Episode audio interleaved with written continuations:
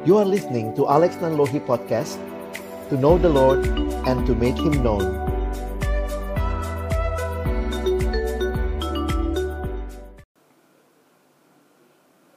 Baik teman-teman sekalian, adik-adik yang dikasihi Tuhan, mari kita berdoa sebelum membaca merenungkan firman Tuhan. Bapa di dalam surga kami bersyukur kami boleh bersama-sama mendapat kesempatan belajar kembali firman-Mu. Waktu kami membuka firman-Mu, bukalah juga hati kami. Jadikanlah hati kami seperti tanah yang baik, supaya ketika benih firman Tuhan ditaburkan boleh sungguh-sungguh berakar, bertumbuh, dan juga berbuah nyata di dalam hidup kami. Berkati hambamu yang menyampaikan setiap kami yang mendengar, Tuhan tolonglah kami semua, agar kami bukan hanya jadi pendengar-pendengar firman yang setia, tapi mampukan dengan kuasa dari rohmu yang kudus, kami dimampukan menjadi pelaku-pelaku firman-Mu di dalam kehidupan kami, di dalam masa muda kami. Bersabdalah ya Tuhan, kami anakmu sedia mendengarnya dalam satu nama yang kudus, nama yang berkuasa, nama Tuhan kami Yesus Kristus. Kami menyerahkan pemberitaan firman-Mu. Amin. Selamat pagi adik-adik sekalian. Bersyukur boleh melayani hari ini di ibadah hari Minggu Persekutuan Teruna GPIB Kelapa Gading. Kak Alex akan coba share screen ya. Dan berharap juga kita bisa mengikuti dengan Uh, berharap sinyal yang baik semua ya. Oke, sebentar. Kak Stephen boleh di enable? Oh, sorry. Ya. Kayaknya yang satu deh, yang yang yang nggak ada camnya. Oke, terima kasih. Udah ya.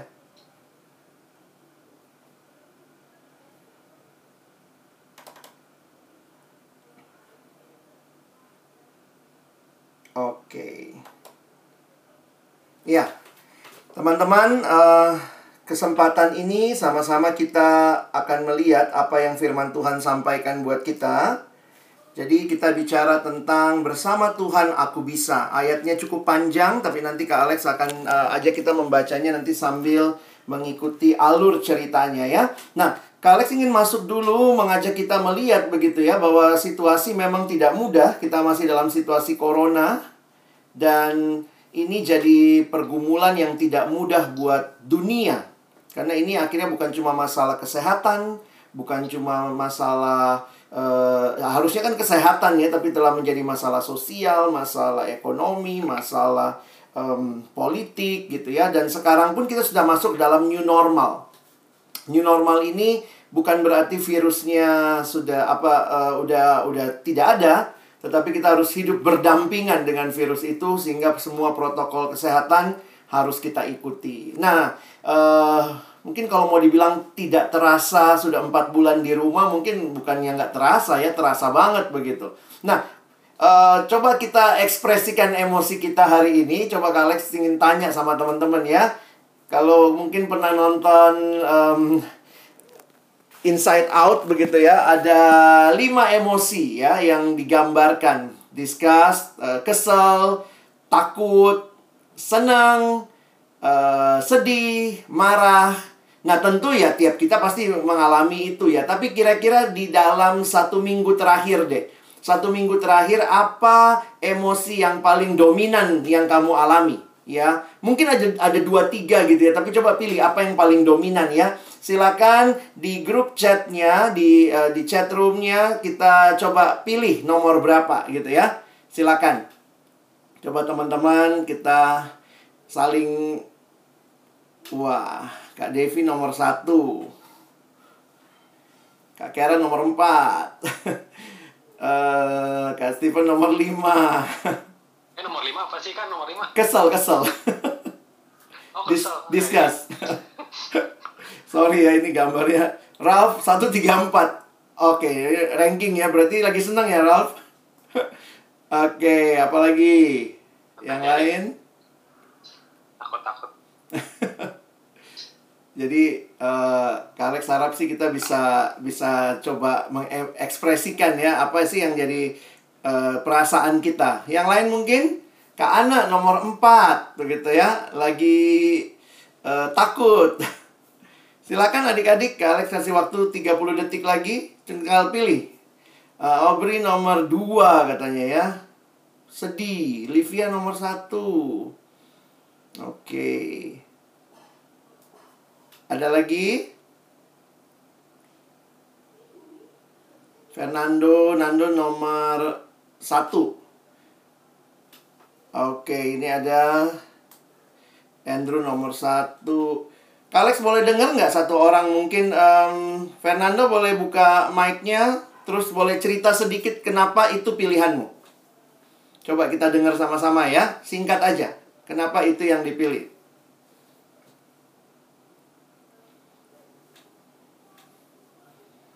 Gimana, Dek? Iya, Kak. Kok milihnya nomor satu? Kenapa? Lagi apa nih? Senangnya kenapa?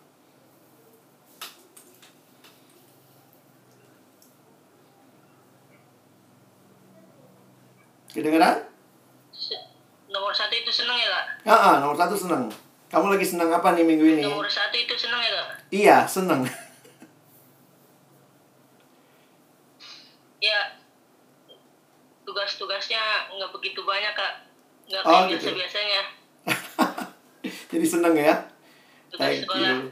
Itu Iya. udah masuk sekolah belum? Udah. Udah ya. Oke oke. Thank you Nando. Livia, Livia, Livia Iya. boleh boleh buka mic sebentar. Livia tadi pilihnya nomor berapa? Lalu kenapa itu pilihannya? Aku pilih satu karena eh, apa ya belajarnya itu dari rumah terus kayak tugasnya nggak terlalu banyak kan. Oh gitu ya. Belum kali. Tunggu-tunggu aja nanti ya. Oke, thank you Livia. Nah, teman-teman, apa pun perasaan kita, we are a family ya. Kita semua pasti punya perasaan yang berbeda-beda. Nah, sekarang Kak Alex mau coba dulu nih ya. Kak Alex mau coba minta teman-teman coba eh, siapkan alat tulis ya. Coba siapkan alat tulis. Lalu kemudian teman-teman akan mengikuti sebuah perintah yang harus kalian ikuti. Kalian akan eh, coba melakukan satu aktivitas ya. Nah, mungkin Kak Alex akan pilih dulu. Saya akan pilih begini ya. em, Kak Devi bisa buka mic?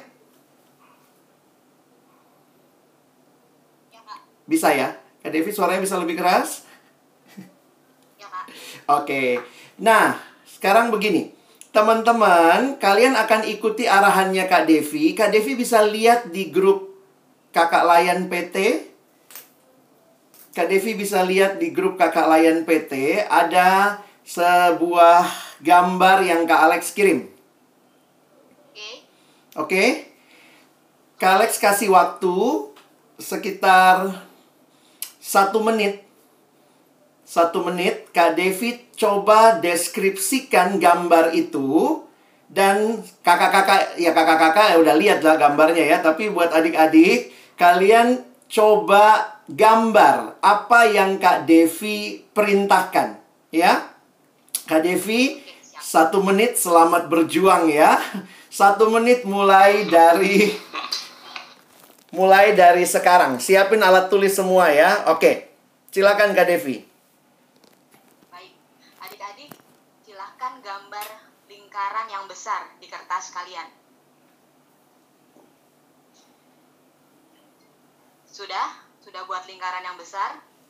Sekarang silahkan gambar segitiga sama sisi di dalam lingkaran yang kalian gambar tadi.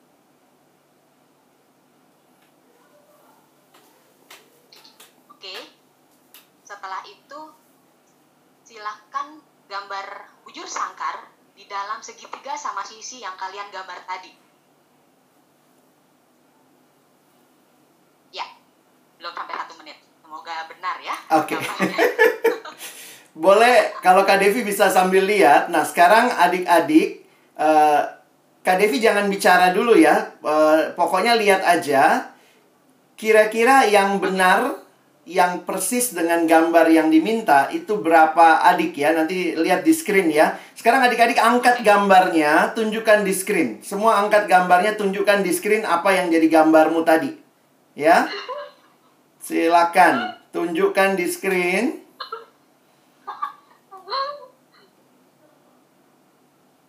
Oke. Kakak-kakak bisa bisa ikut lihat ya. Ayo, Ulang, Kenan, ulang.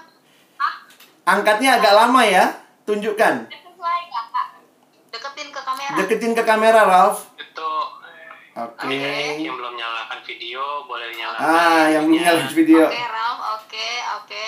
Aubrey. Aurel sama oke. Aurel Abri, benar nggak? Andrew, Andrew. Andrew, mana gambarmu, Andrew? Andrew, Ano, Mel. Ano. Lagi di Oke, Gata, oke. Ah, lagi di gambar. Oh iya, ada instruksi gue yang. Ah, Oke, oke, tahan, tahan, Kak, tahan, Kak Devi. Oh, iya. Tahan, Kak Devi. Em, adik-adik, Mel, Mel mana Mel? berapa Kak Devi yang benar? Tapi pas dari semua Devi lihat yang yang bener persis banget nggak ada sih kalau boleh ada 100%, 70%, Oh, gitu ya? 70% lah ya. Oh, oke. Nah, adik-adik coba lihat ya. Ini gambar yang Kak Devi minta kalian gambar, oke? Bisa lihat di screen? Boleh Kak Alex dengar dari Ralph? Ralph, Dari Ralph coba. eh, coba. Menurutmu yang kamu gambar sama yang aslinya sesuai instruksi Kak Devi, apa yang Kak Devi kurang bilang?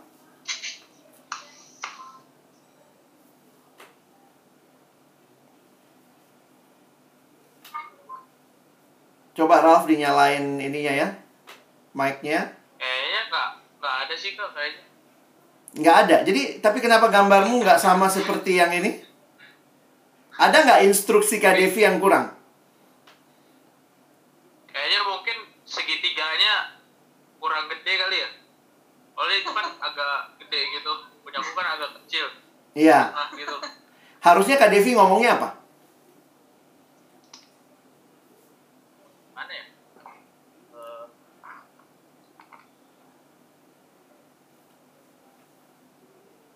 Kalau kamu jadi Kak Devi, untuk membagusi gambarnya, perlu ditambahin ngomong apa?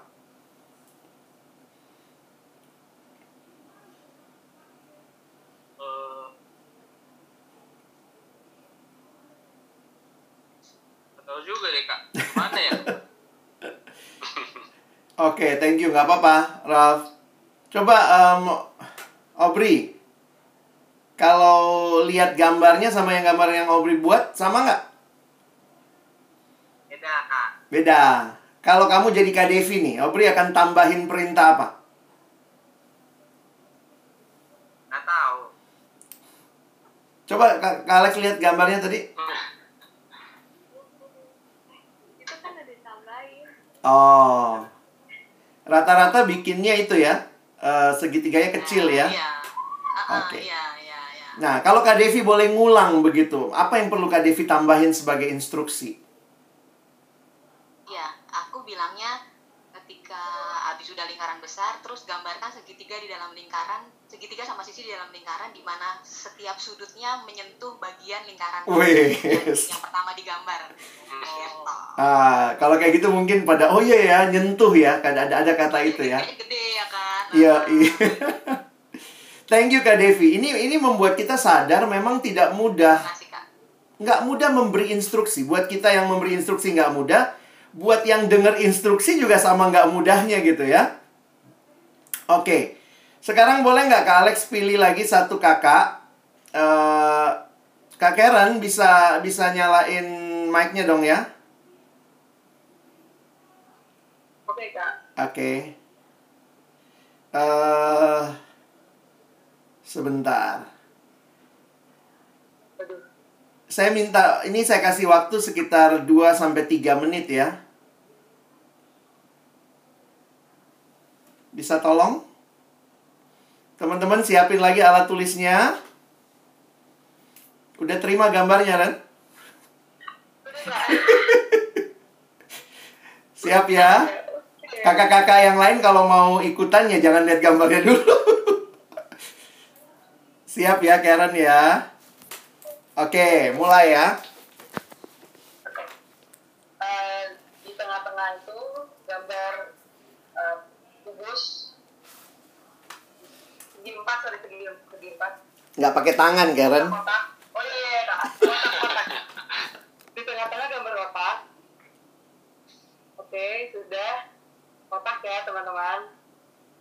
di sebelah kanan dan kiri kotak itu gambar persegi panjang Kalau sudah di bawah kotak yang tengah tadi eh, gambar dua dua kotak yang kecil Udah? Ada yang ketinggalan ya? Boleh diulang, Kak? Oh iya. Tadi pertamanya eh, di tengah-tengah gambar kotak. Udah?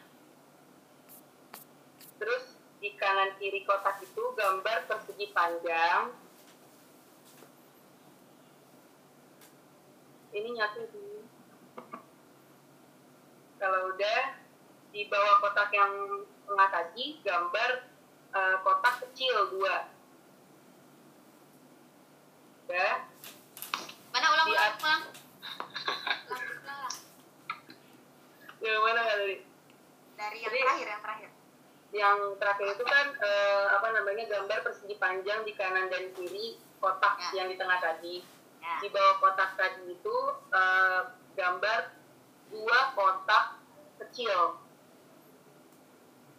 Di bawah persegi panjang yang di bawah kotak ya? Eh, Di bawah kotak yang di tengah-tengah kak. Bawah kotak yang tengah. Masya Allah, yang mana itu? Masyarakat.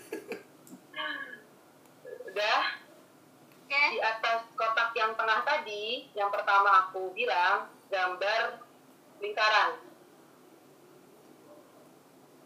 Di atas lingkaran gambar eh, segitiga.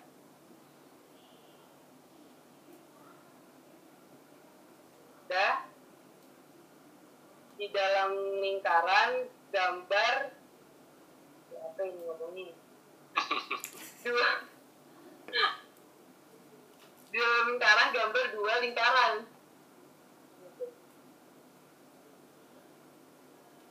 Ya. Di bawah dua lingkaran gambar eh, segitiga yang dibalik.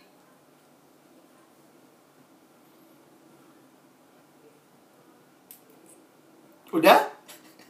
Udah, kayak kayak udah sih kok. Udah. Eh, sekarang gini ya. Jangan jangan ngomong dulu, nanti Kak Alex akan kasih kesempatan kakak yang lain mungkin coba bisa mencoba ya. Tapi kita lihat dulu. Coba adik-adik angkat gambarnya sebentar. Kita lihat. Coba tunjukin. Oke. Livia. Oke. Iya. Oke. Karen kalau lihat berapa banyak yang mendekati? Nggak usah bilang siapa, tapi berapa banyak kira-kira yang mendekati? Itu yang eh, Angry Angry Bird biru punya siapa ya? Aubrey ya? Aha. Aubrey itu ya? punya siapa? Oh iya, Ah, oke. itu ini siapa lagi aku nggak sempet lihat tadi punya Livia sama Agatha sama Nando tadi Hmm. boleh kasih lihat lagi nggak sempet kelihatan tadi Tuh Andrew udah. Olivia Oke. oke Andrew oke Nando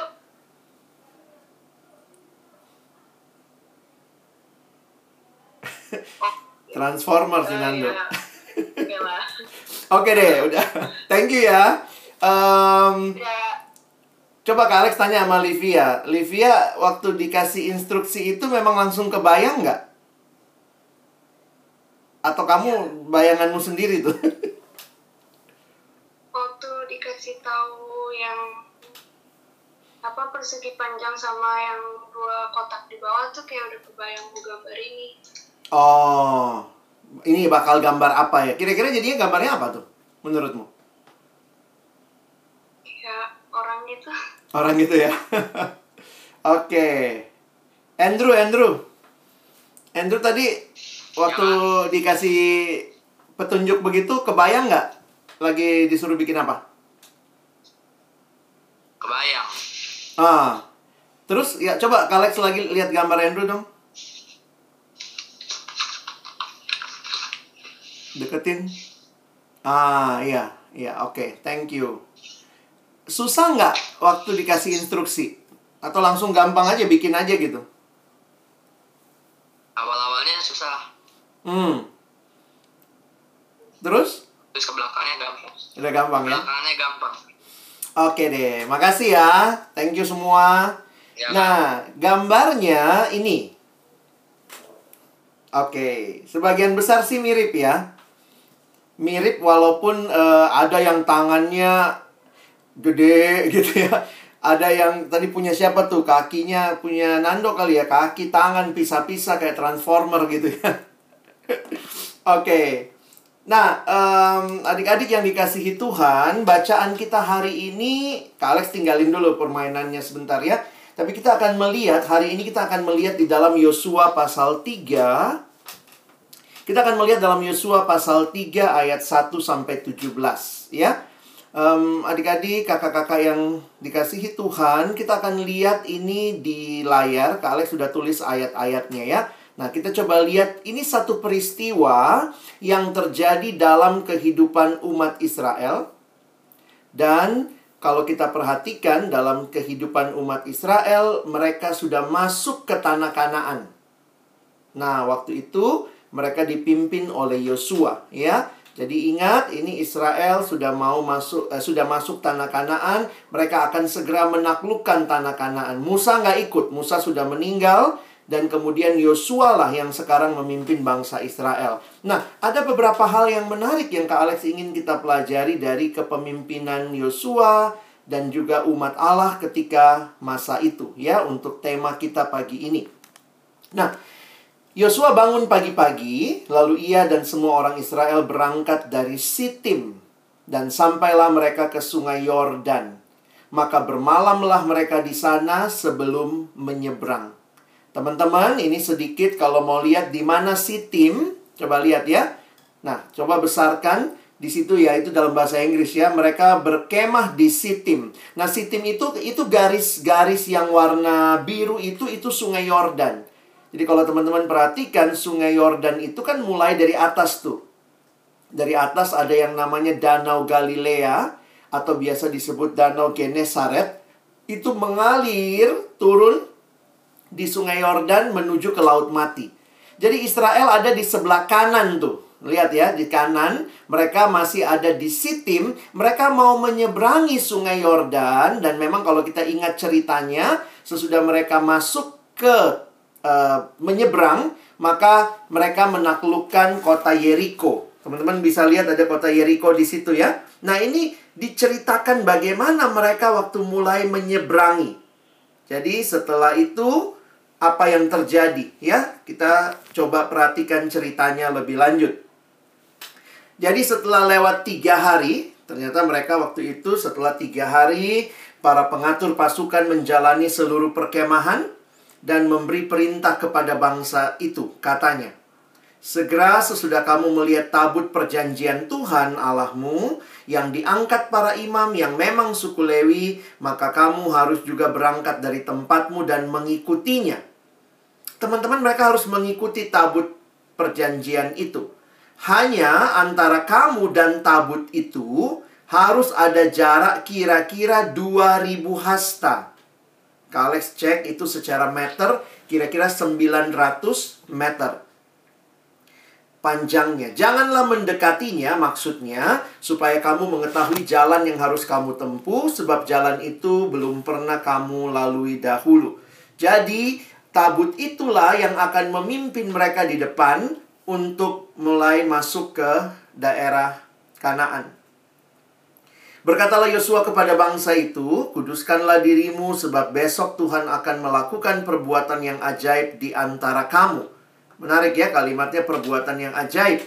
Dan kepada para imam itu Yosua berkata, demikian, angkatlah tabut perjanjian dan menyeberanglah di depan bangsa itu. Teman-teman, tabut perjanjian itu adalah simbol kehadiran Allah. Di dalamnya ada loh batu, ada tongkatnya Harun. Jadi itu waktu itu mereka mengangkut ya. Tabut itu masih movable, bisa pindah-pindah gitu ya. Jadi mereka tiap kali berangkat mereka mengangkat tabut perjanjian itu. Maka mereka mengangkat tabut perjanjian dan berjalan di depan bangsa itu. Dan Tuhan berfirman kepada Yosua, "Pada hari inilah aku mulai membesarkan namamu di mata seluruh orang Israel supaya mereka tahu bahwa mereka bahwa seperti dahulu aku menyertai Musa, demikianlah aku akan menyertai engkau." maka kau perintahkanlah kepada para imam pengangkat tabut perjanjian itu demikian. Segera eh, setelah kamu sampai ke tepi air sungai Yordan, haruslah kamu tetap berdiri di sungai Yordan itu. Nah, teman-teman lihat lagi ya, lalu berkatalah Yosua kepada orang Israel, "Datanglah dekat dan dengarlah firman Tuhan Allahmu." Lagi kata Yosua, dari hari hal inilah akan kamu ketahui bahwa Allah yang hidup ada di tengah-tengah kamu dan bahwa kamu sungguh-sungguh akan dihalaunya sungguh-sungguh akan dihalaunya. Nah, lihat nih, ini daftar penduduk Kanaan yang harus dihalaukan ya. Orang Kanaan, orang Het, orang Hewi, orang Feris, orang Girgasi, orang Amori, dan orang Yebus. Itu dari depan kamu. Nah, Kak Alex kasih petanya lagi. Kalian lihat ya. Coba lihat tuh, ada nih orang Kanaan, ini ya, lihat kursor saya. Ini ada orang Kanaan, orang uh, Feris. Nah, itu semua dalam bahasa Inggris ya, orang orang Het, ini orang Het yang ini, orang Het ya. Ini orang Hewi. Nah, ini di sini yang nggak kelihatan ketutup ini orang Amori. Jadi memang Tuhan memimpin mereka menduduki tanah Kanaan itu yang di dalamnya ada bangsa-bangsa yang harus di dikeluarkan dari situ karena Tuhan mau memberikan tanah itu kepada orang Israel. Maka perhatikan, sesungguhnya tabut perjanjian Tuhan semesta bumi berjalan menyeberang di depan kamu, masuk ke sungai Yordan. Maka sekarang pilihlah 12 orang dari suku-suku Israel, seorang dari tiap-tiap suku. Segera sesudah kaki para imam pengangkat tabut Tuhan, Tuhan semesta bumi, berhenti di dalam air sungai Yordan, maka air sungai Yordan itu akan terputus. Air yang turun dari hulu akan berhenti mengalir menjadi bendungan. Dan ketika bangsa itu berangkat dari tempat perkemahan mereka untuk menyeberangi sungai Yordan, para imam pengangkat tabut perjanjian itu berjalan di depan bangsa itu. Segera sesudah para pengangkat tabut itu sampai ke sungai Yordan dan para imam pengangkat tabut itu mencelupkan kakinya ke dalam air di tepi sungai itu, sungai Yordan itu sebak sampai meluap sepanjang tepinya selama musim menuai. Maka berhentilah air itu mengalir, air yang turun dari hulu melonjak menjadi bendungan, jauh sekali di dekat Adam, kota yang terletak di sebelah Sartan sedang air yang turun ke Laut Araba, Araba itu yakni Laut Asin terputus sama sekali. Lalu menyeberanglah bangsa itu di tentangan Yeriko. Tetapi para imam pengangkat tabut perjanjian Tuhan itu tetap berdiri di tanah yang kering di tengah-tengah sungai Yordan sedang seluruh bangsa Israel menyeberang di tanah yang kering sampai seluruh bangsa itu selesai menyeberangi sungai Yordan. Teman-teman Israel sudah pernah dipimpin Musa melalui Laut Merah. Waktu itu Tuhan melakukan mujizat ketika Musa men, apa ya memukulkan tongkatnya itu lalu dikatakan airnya terbelah dua ya lalu mereka menyeberang di tengah di tempat yang kering. Nah, itu generasinya papa mamanya mereka ini. Yang sama Yosua ini sudah anaknya, sudah generasi kedua. Nah, generasi kedua ini yang dipimpin Tuhan masuk ke tanah Kanaan, perhatikan ya, Tuhan melakukan kembali mujizat melalui Yosua. Ya. Nah, mungkin kalau kalian baca ceritanya tadi, ini gimana sih prosesnya? Nah, Kak Alex coba susun secara kronologis. Jadi kalian coba bayangkan ya. Sekali lagi mereka tuh mau menyeberang menyeberangi sungai dari Sitim mau nyebrang tuh. Makanya kalau ingat begitu mereka menyeberang kan mereka sampai ke Gilgal nanti. Lalu dari Gilgal mereka kemudian menyerang Yeriko. Kalau kita ingat ceritanya. Jadi ini kira-kira gambarannya ya. Gambarannya mereka ini di seberang. Yang di depan itu di seberang lalu itu sungai ya. Tentu sungainya nggak sekecil itu ya. Sungai uh, Yordan itu gede teman-teman ya. Walaupun banyak yang bilang kayaknya Sungai Yordan mah nggak gede-gede amat, tapi tetap aja ada beberapa catatan yang perlu kita perhatikan. Nah, coba lihat ya, sekali lagi Kak Alex ulangi ceritanya.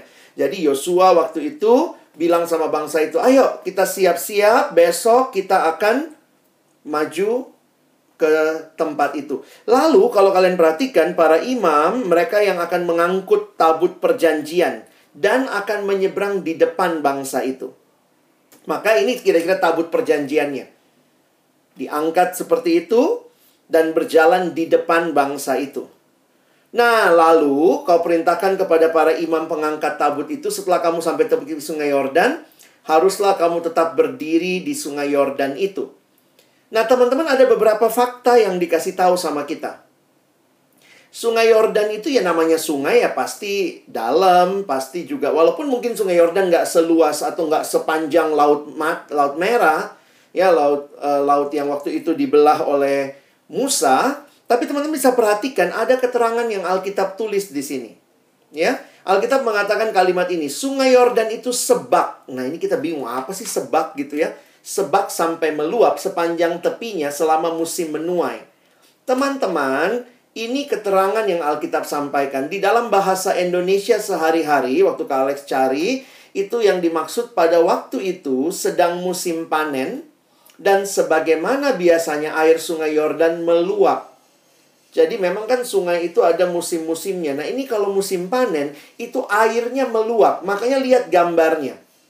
Kak Alex sengaja kasih kalian gambar supaya bisa membayangkan ada pohon-pohon itu di tengah. ya di tengah danau itu karena memang airnya meluap sampai ke pinggir-pinggirnya. Jadi saya bisa membayangkan, memang mereka tidak menyeberangi laut seperti Musa membawa bangsa Israel nyebrang laut. Tapi yang mereka seberangi ini adalah sungai yang sedang meluap. Jadi itu juga jadi catatan yang menarik di dalam Alkitab. Lalu ini mungkin yang kita suka bingung begitu ya. Gimana sih polanya? ternyata agak beda memang dengan apa yang terjadi waktu Musa membelah Laut Merah. Karena kalau kalian lihat ceritanya, Sungai Yordan tidak terbelah dua. Jangan salah ya. Sungai Yordan itu tidak terbelah dua seperti Musa membelah Laut Merah. Waktu Laut Merah kan terbelah dua, lalu kemudian ada dinding air di kiri kanan. Sungai Yordan tidak demikian. Nah, ini buat yang baru tahu, oh begitu ya. Dari mana catatannya? Dari ayatnya tadi. Maka berhentilah air itu mengalir, air yang turun dari hulu, kan dari atas, melonjak menjadi bendungan jauh sekali dekat Adam. Dan yang sebelah kiri yang mengalir ke laut asin atau laut mati terputus sama sekali. Jadi kira-kira memang gambar ini lebih tepat ya. Lihat, yang sebelah kiri itu nggak ada lagi airnya. Jadi air yang turun dari atas itu yang jadi bendungan. Nah, itu gambarnya seperti yang kalian bisa bisa lihat di screen. Nah, jadi kalau kalian perhatikan, imam-imam itu pengangkat tabut itu memang kan mereka yang jalan duluan. Ini menarik nih. Lihat prosesinya ya. Prosesinya dia ngangkat, habis dia ngangkat tabut lalu dia masukkan kakinya. Wah, itu serem juga kalau saya jadi pengangkat tabut waktu itu ya. Dia celupkan kakinya waktu masih ada ada airnya. Agak beda dengan Musa ya. Musa kan dia pukul dulu, kering dulu baru lewat. Kalau ini enggak, waktu masih ada airnya dan itu lagi banjir, lagi meluap, Tuhan bilang, "Ayo, masukkan kaki dulu baru airnya berhenti." Wah, itu langkah iman banget, teman-teman. Ya, masukkan kaki, waktu dia masukkan kaki tiba-tiba airnya itu berhenti dari atas. Lalu kemudian perhatikan, yang angkat tabut itu disuruh berhenti di tengah. Lalu mereka tuh tetap di tengah sampai semua bangsa nyebrang, baru mereka keluar. Jadi ini lucu ya, unik juga ya. Kalau waktu itu kan Musa udah udah lewat gitu ya. Nah, ini yang tadinya memimpin di depan, ketika sampai di tengah sungai Yordan, dia berhenti di tengah sungai sambil kita melihat semua umat itu menyeberang. Nah, itu ditulis tadi ya. Para imam pengangkat tabut tetap berdiri di tanah yang kering. Nah, nanti kalau kita lanjutkan sebenarnya menarik ya. Nanti lihat pasal 4. Di pasal yang keempat ini dituliskan begini teman-teman ya. Setelah seluruh bangsa itu selesai menyeberang, Tuhan bilang sama Yosua, suruhlah 12 orang itu angkat batu dari tengah sungai. Ya, angkatlah 12 batu dari sini, dari tengah-tengah sungai Yordan ini dan tempat berjejak kaki para imam, letakkanlah di tempat kamu bermalam nanti. Makanya mesbah pertama yang mereka dirikan di Gilgal itu adalah mesbah dari batu yang ada di tengah sungai Yordan. Nah, lihat ini ya. Lalu Yosua manggil 12 orang yang ditetapkan, lalu dia bilang menyeberanglah depan tabut dan angkatlah masing-masing sebuah batu ke atas bahumu. Mereka berapa orang? 12 orang. Ya. Lalu kemudian dari batu ini apa sih gunanya ngangkat-ngangkat batu dari tengah begitu ya? Apa jadi kuli batu mau jual batu sungai? Ini tujuannya. Apabila anakmu bertanya di kemudian hari, apakah artinya batu-batu ini bagi kamu? Maka haruslah kamu cerita bahwa air sungai Yordan terputus depan tabut perjanjian Tuhan ketika tabut itu menyeberangi sungai Yordan, air sungai Yordan terputus. Sebab itu batu-batu ini akan menjadi tanda peringatan bagi orang Israel untuk selama-lamanya. Nah, teman-teman, apa yang menarik ya? Bahwa ini tanda yang Tuhan kasih. Dan lihat lanjutannya ya. Maka orang Israel melakukan seperti yang diperintahkan Yosua. Mereka mengangkat 12 batu dari tengah sungai Yordan seperti difirmankan Tuhan kepada Yosua menurut jumlah suku Israel. Semuanya itu dibawa mereka lah ke seberang ke tempat mereka bermalam dan diletakkan di situ ya ditaruhlah menjadi mesbah dan apa yang terjadi ketika sudah keluar semua semua bangsa sudah menyeberang batu sudah diangkat maka Yosua pasal 4 ayat 18 mencatat ketika para imam pengangkut tabut perjanjian itu keluar dari tengah-tengah sungai Yordan jadi begitu keluar baru saja kaki para imam itu dijejakkan di tanah yang kering, maka berbaliklah air sungai Yordan itu ke tempatnya dan mengalir seperti dahulu. Nah, lihat, Alkitab memberikan catatan yang sama. Mengalir seperti dahulu dengan meluap sepanjang tepinya. Wow, luar biasa ya. Begitu kakinya keluar dari sungai, fuk, langsung tutup lagi ya. Itu kayak nonton film. Wow, itu luar biasa cara Tuhan. Dan ingat, yang menyeberang itu banyak. Ada yang bilang hampir kira-kira mungkin mereka sekitar 2 jutaan orang yang menyeberang bersama. Ada yang mengatakan demikian. Karena jumlahnya kan ini satu bangsa yang nyebrang begitu ya. Jangan pikir, ah berlima, bertujuh. Ya paling 100 orang. Enggak. Ini seluruh bangsa. Nah, Kak Alex ingin simpulkan dari apa yang kita baca hari ini ya. Bahwa teman-teman, di dalam kehidupan kita, kita mau hidup yang berhasil ya. Seperti Israel berhasil menyeberang, berhasil masuk tanah Kanaan. Tapi ingatlah baik-baik, hidup yang berhasil itu adalah hidup yang dipimpin oleh Tuhan. Hidup yang berhasil bukan sekadar hidup yang kita lakukan, kita jalani, kita adalah tokoh utamanya. Tidak. Hidup yang berhasil adalah hidup yang dipimpin oleh Tuhan. Karena kita dipimpin oleh Tuhan, penting sekali langkah ini. Taat dipimpin oleh Tuhan. Mengikuti setiap perintahnya, tapi bukan dengan sungut-sungut, bukan dengan berat hati, tapi dengan sukacita. Kalau Tuhan bilang jangan bohong, ya, aduh Tuhan masa nggak boleh bohong. Jangan pornografi. Tuhan bilang misalnya baca firmanku setiap hari. Biarlah itu jadi sukacita kita di awal tadi Kak Alex sengaja buat permainan itu memang sadar ya, nggak gampang ikuti perintah. Ya buat kita juga dalam anugerah Tuhan sebenarnya kan nggak gampang kasih perintah juga ya. Tapi ternyata kita semua punya pemahaman masing-masing begitu tentang apa yang diperintahkan. Tetapi ketaatan itu penting untuk mengikuti setiap perintah Allah dengan sukacita. Teman-teman lihat ada kalimat seperti ini ini muncul di kitab Yosua, maka orang Israel itu melakukan seperti yang diperintahkan Yosua. Dan jangan lupa, Yosua dapat perintahnya dari dari Allah. Jadi ketika kamu datang ke gereja, ada kakak-kakak, ada kami semua yang juga dipilih Tuhan, boleh melayani kalian, kami kasih pengajaran, kita berkhotbah, kita kasih uh, instruksi yang kami juga dapat dari Tuhan supaya teman-teman juga alami petunjuk dari Tuhan, itulah sebenarnya kehidupan yang Tuhan mau. Bukan kehidupan yang melakukan yang kita mau, tapi melakukan apa yang Tuhan mau. Itu yang ditulis di Yosua 1.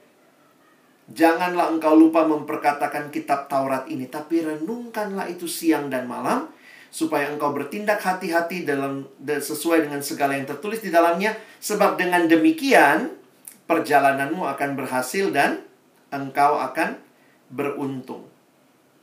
Saya pikir nggak gampang ya ikuti perintah Tuhan. Kadang-kadang ya ampun, kalau saya jadi Yosua juga ya. Coba orang yang angkat tabut, ayo masuk. Terus mereka bilang, gila nih disuruh masuk, airnya lagi meluap, disuruh masuk.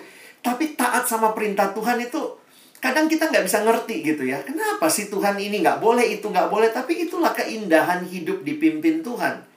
Banyak hal yang mungkin kita belum bisa mengerti sekarang. Tapi ingatlah, taat pada perintah Tuhan itu yang menjadikan kita berhasil, itu yang menjadikan kita beruntung. Dan setiap langkah yang teman-teman lalui, itu adalah mujizat. Kalau engkau taat, dipimpin Tuhan, maka langkah demi langkah yang kau nikmati, kau akan lihat mujizat Tuhan. Kalian sedang masuk semester baru, sudah mulai belajar lagi. Teman-teman ingat tema kita hari ini. Bersama Tuhan aku bisa. Tapi bersama Tuhan bukan berarti jadikan Tuhan sewaktu-waktu. Kalau kita lagi butuh baru cari Tuhan, lagi butuh baru cari Tuhan. Tapi bersama, dipimpin Tuhan, taat pada perintah Tuhan. Itu menolong kita bisa menjalani hari-hari hidup kita ke depan. Jadi teman-teman, firman Tuhan hari ini mengingatkan, dipimpin Tuhan itu, itulah hidup yang berhasil dan beruntung. Bersama Tuhan aku bisa. Kita nggak tahu nih sampai kapan corona. Kita nggak tahu pergumulan apa nih. Wah, tugas sekolah masih belum banyak. Tapi jangan-jangan ke depan makin banyak tugas. Bisa nggak kita lalui? Bisa. Bersama dengan Tuhan, kita dapat kekuatan. Bersama dengan Tuhan, kita taat perintahnya. Kita lakukan dengan sukacita. Nah, kiranya firman Tuhan hari ini menguatkan kita sebagai teruna, kakak layan, kita semua melangkah di dalam ketaatan bersama dengan Tuhan. Sebagaimana Tuhan telah pimpin Israel melalui Yosua. Dan mereka masuk tanah kanaan. Memang waktu kali kamu baca ceritanya lebih lanjut nanti mereka bandel juga ya. Jatuh lagi, bikin dosa lagi. Tapi Kak Alex melihat yang indah adalah Tuhan hadir dan menyertai mereka selalu. Di situlah kita senantiasa bisa datang kembali, berdoa, berharap kepada Tuhan. Selamat menjalani hari-hari ke depan sebagai teruna dengan mengingat prinsip ini ya. Bersama Tuhan aku bisa. Amin.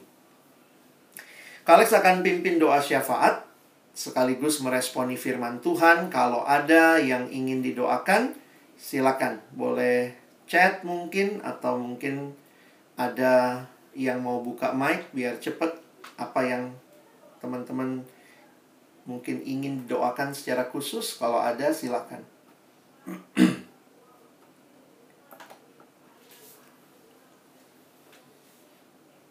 Apakah ada?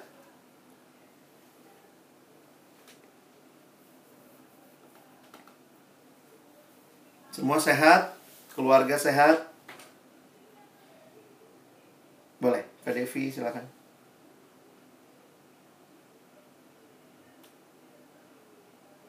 Hmm. Hmm. hmm. Di sana semua apa juga di Jakarta? Hmm. Hmm.